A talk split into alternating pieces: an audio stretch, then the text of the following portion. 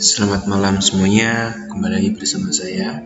Iya, setelah sekian lama saya nggak pernah rekam apa pun. Kalau nggak salah terakhir ngomongin pandemi ya, dan masa-masa pandemi itu bikin suntuk gitu. Jadi ya kerjanya di rumah, kerjanya di rumah.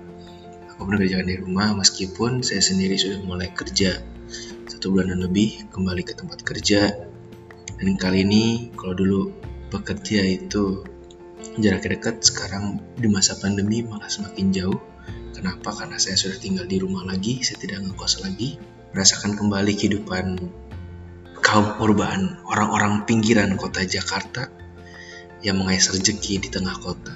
Ya, begitulah nasibnya berangkat sebelum orang-orang pada subuh, sudah keluar duluan, pulangnya sih siang, ya asar lah saya asar lewat-lewat tiket udah nyampe rumah gitu. Tapi bangun pagi lagi naik kereta lagi bahkan sekarang kalau naik komuter lain pagi-pagi saya udah nggak bisa duduk. Why? Karena berjarak. Dijarak-jarakin dulu ketika saya masih pulang pergi dari rumah ke tempat kerja pagi itu masih bisa dapat tempat duduk. Ini saya kereta pertama dari Cikarang karena kan saya orang Tambun. Ketika kereta Cikarang kereta paling pagi aja udah gak ada tempat duduk. Jadi ya udah tuh ngantuk-ngantuk berdiri-berdiri kadang-kadang melakukan hal-hal yang kontraproduktif. Main game ya sometimes nonton dengerin podcast kah atau apa pun. Tapi jarang pagi-pagi bisa produktif. Cuman satu dua tiga kali lah.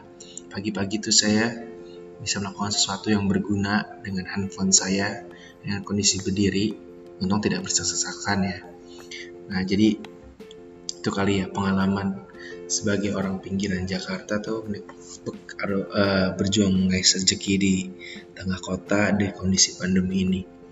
Bahkan sebelum kondisi pandemi aja udah perjuangan banget tuh. Saya kan dua tahun lebih saya pulang pergi, terus baru setahunan mulai ngekos, eh terus pandemi ya udahlah dinikmatin aja masih berjuang untuk tetap jaga kesehatan di masa pandemi ini sebagai orang pinggiran. Ya udah mulai pada ngumpul-ngumpul satu dua teman. Yuk kumpul yuk ada proyekan ini proyekan itu. Ya kumpul. Tapi belum bisa tuh kayak sampai sekarang belum pernah kumpul yang skala besar saya. Entah mungkin belum ada kesempatannya belum ada yang ngajak atau saya masih ragu-ragu karena kenapa begitu? Karena masih mikir-mikir kalau harus berinteraksi dengan banyak orang, berarti pulang saya harus dengan kondisi bersih minimal sampai rumah. Karena orang tua saya cukup, sudah cukup tua dan kondisi fisiknya tidak prima lagi dan ya begitulah kondisinya. Jadi menjadi warga pinggiran Jakarta tuh senang-senang enggak ya.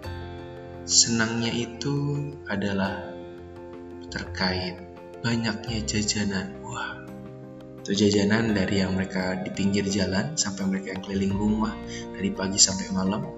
Saya ngerasain tuh ketika masih work from home pagi-pagi udah mulai kerja tiba-tiba ada suara uh, tukang bubur lewat. Tukang bubur terus ada susu susu nasional wah itu yang dengan ikonik singlenya gitu kan.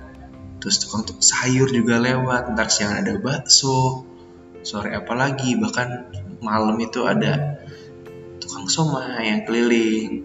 Sate padang juga ada keliling kalau nasi goreng udah umum ya keliling itu dan harga-harga makanan atau jajanan di pinggir Jakarta terutama Bekasi bisa dikatakan sangat bersahabat sekali dengan kantong. Ya nggak tahu soal kualitas ya tapi higienis juga saya juga nggak yakin banget. Tapi sesekali menyenangkan sekali makan kayak gitu.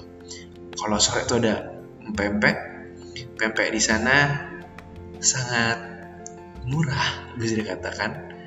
Satu satu apa ya? Satu biji satu buah satu biji satu buahnya lah itulah pokoknya. Satu, seribu doang gitu. Ya kalau rasa ya biasa aja sih tapi ya buat seru-seruan aja gitu. Ada cilok juga jadi uh, itulah nikmatnya.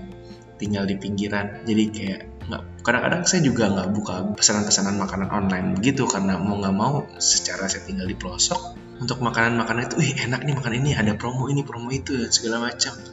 pas saya lihat ternyata ongkos kirimnya bisa sebanding dengan harganya bahkan terkadang lebih mahal. Jadi aduh makan aja mau order makanan online aja mahal. Jadi bikin mager gitu kan. Males banget tuh ya ampun.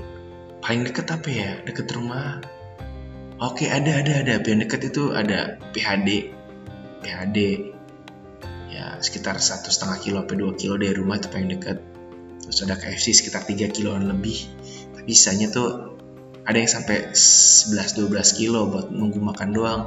Kalau masan makan yang hangat-hangat terus sekian jauh jaraknya sampai rumah saya udah nggak hangat-hangat lagi. Ya dan kondisinya seperti itu. Tinggal di daerah suburban daerah penyokong kota Jakarta. Saya tinggal di sana sudah cukup lama. Dari zaman jam 8 malam udah sangat sepi sekarang sudah ramai banget. Dari zaman angkot itu masih ditungguin oleh banyak orang jadi primadona sampai sekarang sudah ditinggalkan.